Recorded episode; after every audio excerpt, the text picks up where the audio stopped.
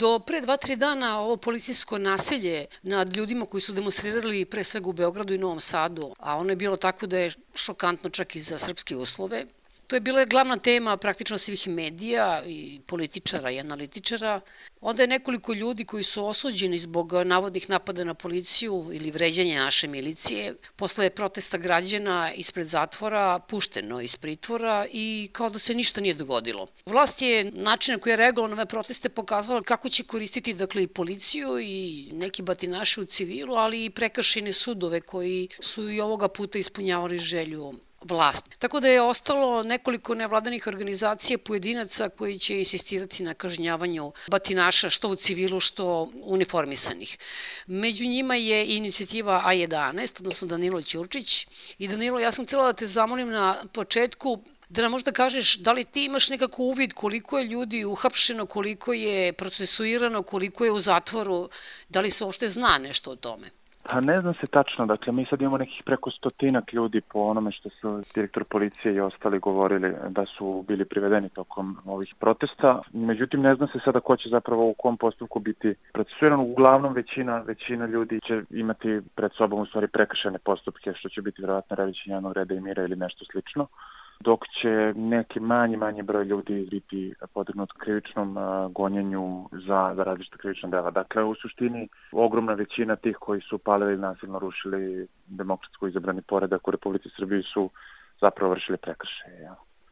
Molim te, o čemu se radi ovim krivičnim prijemom koji ste vi podneli, protiv koga, protiv koliko, recimo, policajaca i vi upotrebljavate termine zlostavljanje i mučenje, tortura praktično?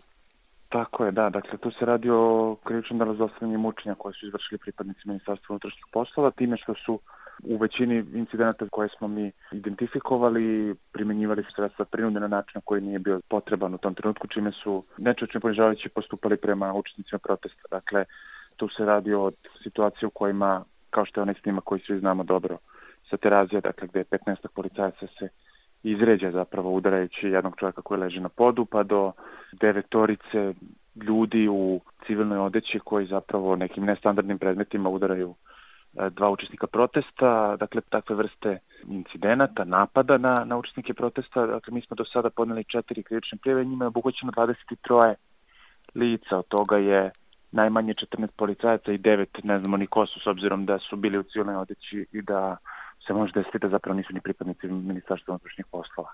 Mi pretpostavljamo da su sve zapravo pripadnici MUPA, ali opet nadamo se da će neka vrsta istrage utvrditi o čemu se radi. Uz to postoji još određeni broj krivičnih prijava koje je podnao Beogradski centar za ljudsko pravo s kojim smo mi zajedno radili zapravo na prikupljanju podataka o policijskoj brutalnosti i na procesuiranju onoga što, što možemo i zajedno za sada imamo 15 dobro dokumentovanih slučajeva koji su potkrepljeni medicinskom dokumentacijom, veštačenjem lekara sudske medicine, izjavama svedoka, video materijalima i slično. Dakle, to je trenutno u ovom trenutku 15 dobro dokumentovanih slučajeva koji su i predati UN uh, specijalnom izvestijacu za torturu i evo dok mi pričamo, kod nas dolaze ljudi koji su pretrpeli policijsku brutalnost na preglede koje sprovode lekari sudske medicine kako bi se zapravo veštačile njihove povrede i nakon toga podnosile krivične prijeve. Ministarstvo unutrašnjih poslova i direktor policije između ostalog i ministar i i drugi državni funkcioneri bi zapravo morali da daju jasan signal svima koji rade u MUP-u da jednostavno takvo ponašanje nije prihvatljivo i da je ono kažnjivo. S druge strane, umesto toga mi smo jedino što smo imali prilike da vidimo jeste ova bizarna priča o tome da se tu rušio nekako demo, nekakav demokratski izabrani poredak i da su ti ljudi koji su učestvovali u protestima zapravo pokušavali da svrgnu vlast. Mislim, potpuno, potpuno jedna bespredmetna diskusija koja zapravo je na neki način dezavuisala ono što jeste situacija, to je da je potpuno prekomerno i nezakonito policija postupala prema učesnicima protesta na taj način što je zapravo primjenjivala od suzavca kom je istekao rok, koji ima neobeležene patrone gde ni ne znamo zapravo šta je se bačeno na ljude, do ovih nestandardnih predmeta kao što su drvene palice, teleskopske pendreci i slične stvari koje zapravo policija ne koristi i do onoga svega što smo zapravo imali prilike da imamo način na koji se sve to koristi, to je udaranje demonstranata koji ni na koji način ne učestvuju u protestu, koji već zapravo leže na zemlji ili jednostavno kao što smo imali prilike juče da vidimo u svedočenjima ljudi koji su nam se obratili, dakle devojka koja je digla ruke i vikala stojim, ne radim ništa, dobila batina od policije samo zato što je stala na jednom mestu gdje su zapravo prošli kako da kažem, nervozni policajci koji znaju da šta god da urade neće odgovarati za to. Pomenuo si ovaj komitet Ujedinih nacija za borbu protiv torture I ja se sećam, pisali smo o tome ostalim na Peščaniku, da je poslednji put, mislim, pre tri godina, ali prethodnih godina, za vreme onih vlasti, da su oni konstatovali da je nasilje praktično postalo deo policijske kulture, kako kažu, i da su upotrebe bejzbol palice, gvozeni šipki raznih deo standardne procedure u policijskim stanicama u Srbiji to je stari problem i to je ono o čemu se govori jako dugo. Dakle, ta kultura nekažnjivosti i potpuno odsustvo odgovornosti za prebijanje i zapravo zlostavljanje mučenje ljudi koji su u pritvoru, zapravo koji su lišeni slobode je evidentna i mi ako pogledamo možemo da vučemo paralelu, odnosno liniju sve do Savezne Republike Jugoslavije, kada smo imali isto nalaze Komiteta Ujedinjenih nacija koji su govorili o tome dakle, da postoji kultura nekažnjivosti za policijsku torturu.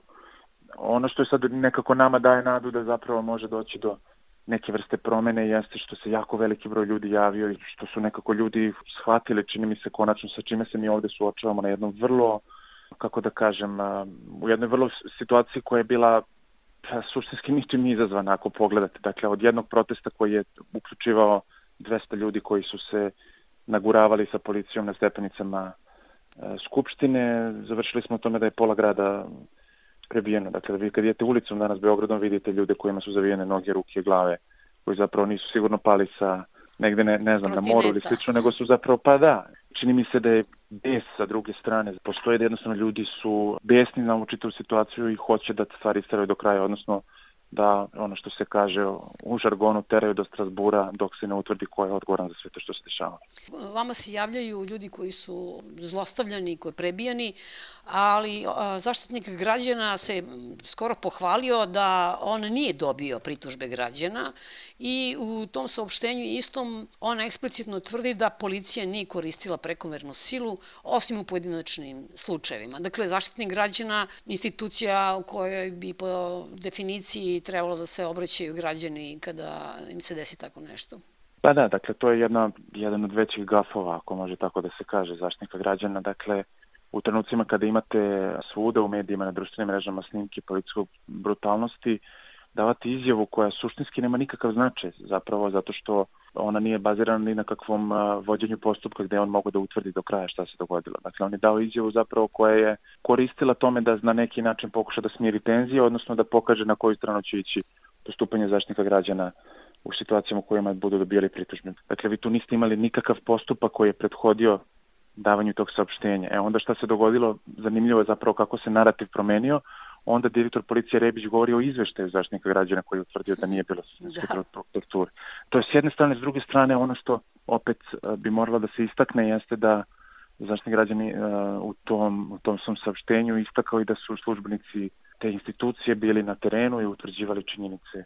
I onda u stvari moramo sad da postavimo pitanje uh, da li su ti ljudi zapravo dovoljno kompetentni i da li su bili dovoljno efikasni tome što su radili, jer imamo jedan od snimaka koji zapravo upravo onaj koji se odnosi na policijsko prebijanje na terazijama, gde vidimo da kroz kadar prolaze dva službenika zaštitnika građana koji suštinski ne reaguju na sve to što se dešava.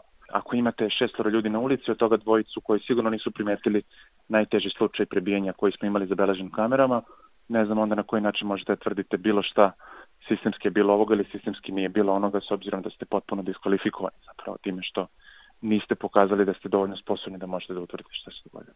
Da pređemo na nešto što je zabrinjavajuće u najmanju ruku kao i ponašanje policije, a to su sudovi, odnosno prekršajni sudovi koji su se uključili u celu tu igru. Zajednički imenitelji jeste da su praktično se ponašali kao preki sudovi, dakle skraćeni postupak Presude su praktično drakonske odmah i što je zanimljivo skoro isto obrazloženje. Oni su vređali policiju, vrlo često je to. Jeli? Takođe nije bilo nigde advokata i, i odmah su slati u zatvor. To je stara, stara boljka zapravo. Prekšani postupak je postupak u kom vi u suštini imate policijskog službenika s jedne strane, građanina s druge, gde sud uvek po pravilu pokloni veru onome što je rekao policijski službenik i tu se čita priča završava. Dakle, vi imate situaciju da policajac izađe i kaže on mi je rekao, on mi je psovao majku i rekao mi da idem na Kosovo i zbog toga neko završi 60 dana u Padinskoj skeli. Kako da vam kažem, ako građanin kaže ja to nisam uradio, šta će sud uraditi? Dakle, sud je u ovim slučajima konkretno postupao na način na koji je zapravo video, čini mi se, šta je signal i šta je neka vrsta ono, poželjnog ponašanja koje se očekuje od strane u ovom slučaju prekšenih sudova, dakle na osnovu toga što je predsjednik Republike i što su drugi govorili i sudovi su jednostavno po automatizmu ljudima određivali kazne uglavnom maksimalne, da. Dakle, mi imamo čak i situaciju, ako se sećate, predsjednik je pričao o inostranom elementu koji da. je učestvovao u tome, izraelcima koji su kontrolisali huligane i slično.